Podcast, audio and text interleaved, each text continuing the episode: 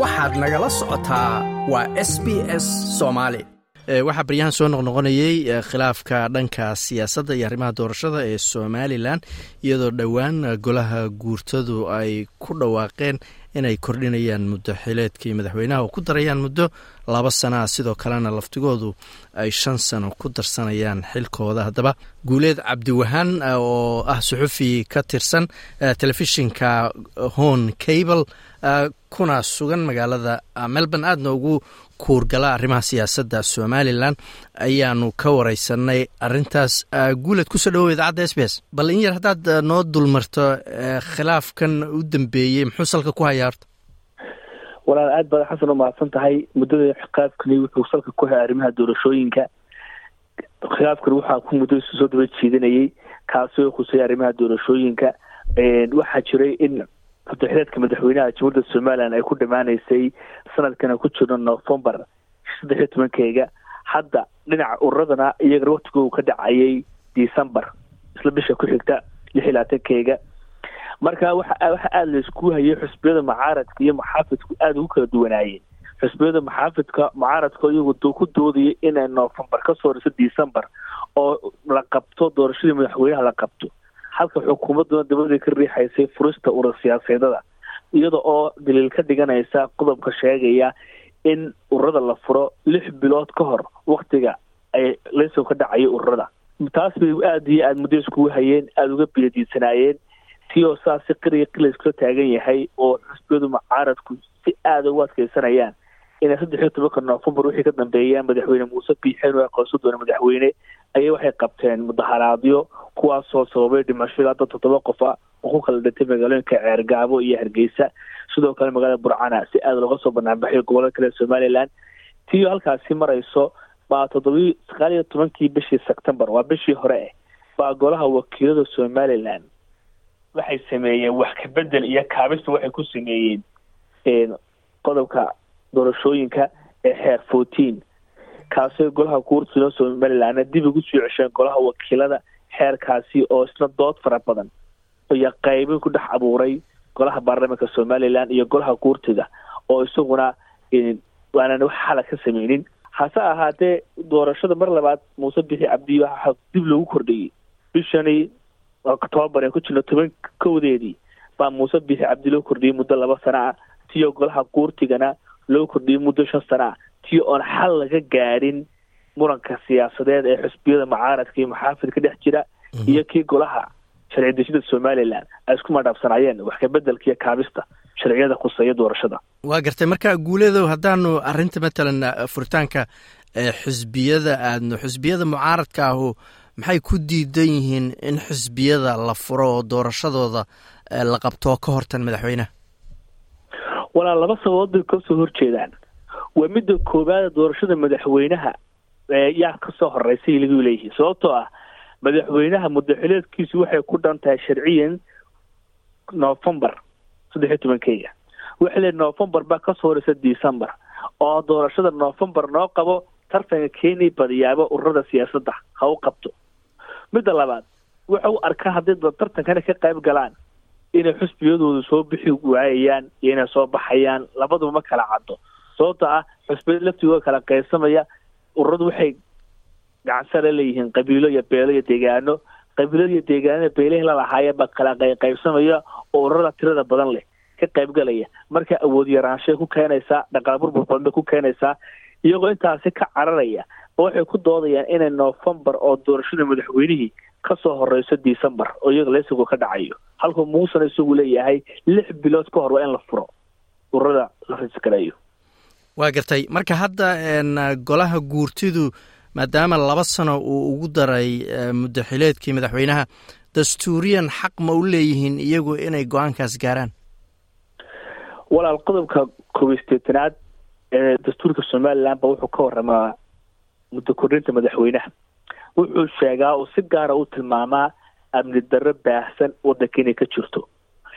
Maaha markii ugu horreysay ee waxa weeyaan loo kordhiyey madaxweyne somalilan soo mara daahir yaalla kahayn baa loo kordhiyey madaxweynihiisaa ka horreeyey maxamed axmed siilaayo waa loo kordhiyey laakiin tani kuwii kale waxay kaga duwan tahay oo waxa weeyaan aada iyo aada uga duwan tahay xaaladihii waktigaasi taagnaa hadda ma taagno. Haddaan tarayaale eegno tarayaale laba jeer oo rayaal loo kordhiyey waxaa la isku hayay diiwaangelinta codbixiyayaasha reseferkii codka ururinayo oo wax noqdo aan shaqaynaynin.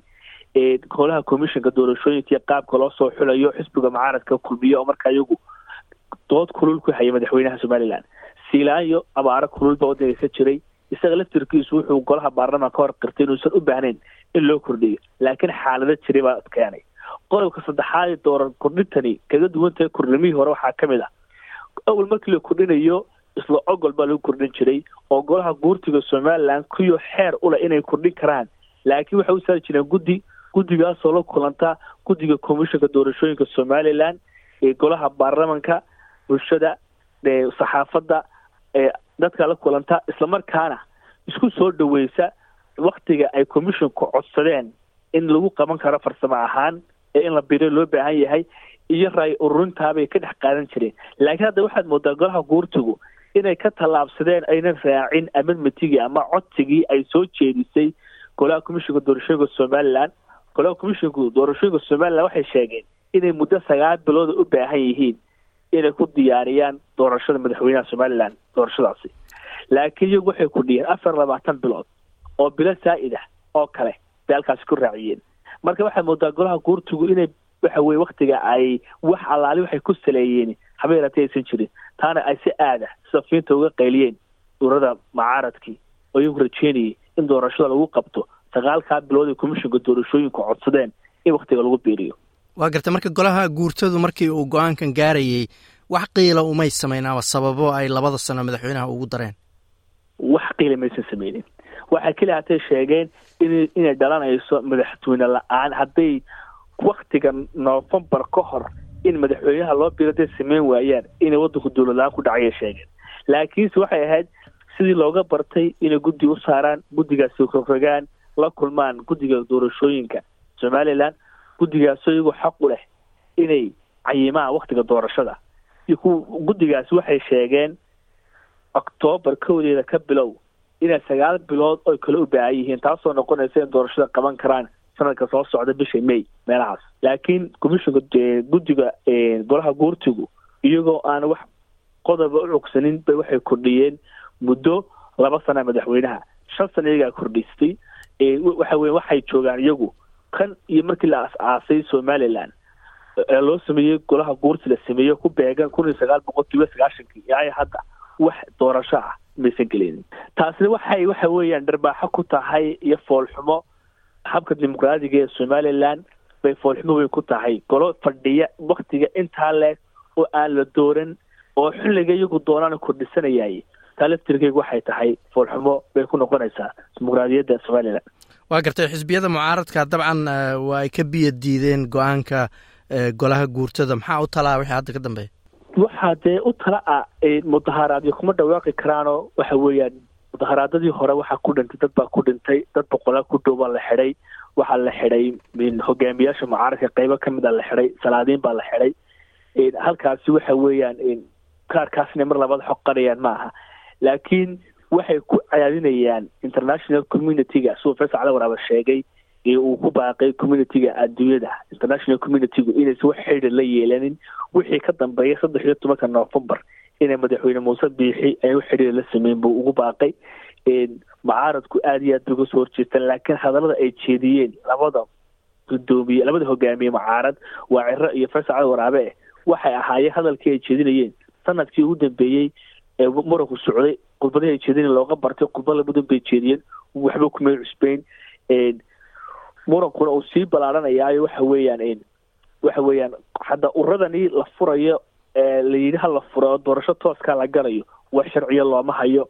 Ururada laftirkoogu waxay noqonayaan xusbiyadan mucaaradka ee ucid iyo wadani. Muddo dhow waxay noqonayaan xusbiyo sababtaa waxaa ka dhacaya laysankii muddo saddex bilooda ka bacdi laysankii baa ka dhacaya.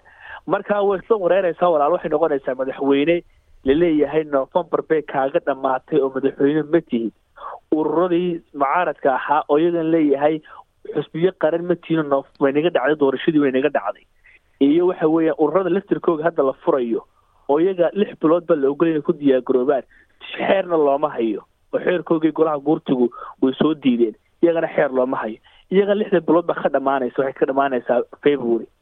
Marka madaxweyne a muddaxiladkiisa dhammaaday oo mucaaradkii diidan yihiin xusbiyadii mucaaradka iyagana waxa weeya waktigoogii dhammaaday oo disembar ka dhacday urar siyaasadeedadii liisankiida si lixda bilood ahayd oo ka dhacay. Waxa weeya muranku sii badanaya. Meel uu ku dambeyn doonana cid sadaalin karta ma jirto. Like as la wadaag wax ka dheh lana soco barta facebooka ee sb s soomaali